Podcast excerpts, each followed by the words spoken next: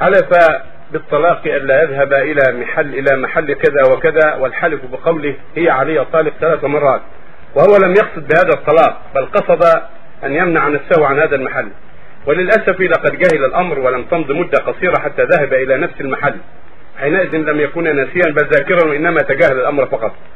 فما حكم إذا طلق الإنسان على شيء يفعله أو شيء لا يفعله فهذا فيه تفصيل. إذا قال عليه الطلاق ما يزور فلان أو ما يدخل بيت فلان أو عليه الطلاق ما ياكل ذبيحة فلان أو عليه الطلاق ان تاكل ذبيحتي فلان وأن تبقى حتى تاكل ذبيحتي أو عليه الطلاق ما يكلم فلان أو ما يسافر إلى كذا كل هذه أمور تقع من الناس.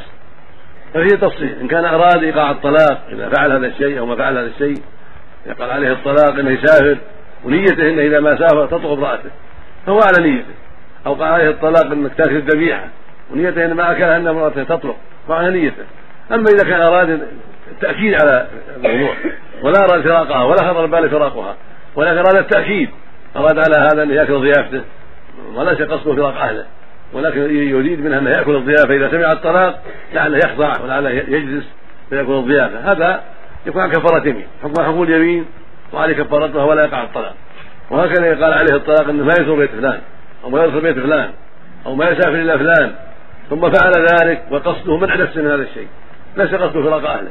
ولكن أراد أن يمنع نفسه من هذا الشيء ويركد عليها هذا يكون له اليمين عليه كفاره يمين يطعم عشرة فقراء كل فقير له نصف صاع من قوت البلد ويكفي ذلك أو يكسوه كسوة قميص لكل واحد أو يعطي كل واحد ازارا ورداء هذه كسوة مما يجزي في الصلاة. هذا جواب هذه المسائل المتعددة الكثيرة. إن أراد إيقاع الطلاق وقع الطلاق. وإن كان ما أراد ذلك وإنما أراد منع نفسه أو حثها على الشيء الذي يريده. منع نفسه مثل عليه الطلاق ما يسافر ما يكلف له. هذا قصد منع نفسه من السفر والكلام أو اراد حثها عليه. عليه الطلاق إنه يصوم يوم الاثنين والخميس. عليه الطلاق إنه مثلا إنه يكلف فلان بكذا يعني يذبح ذبيحه لفلان. هذا قصد حتى نفسه على الشيء. هذا حكم حكم اليمين أيضا. إذا كان ما قصد إلا حتى نفسه وإلزامها بهذا الشيء.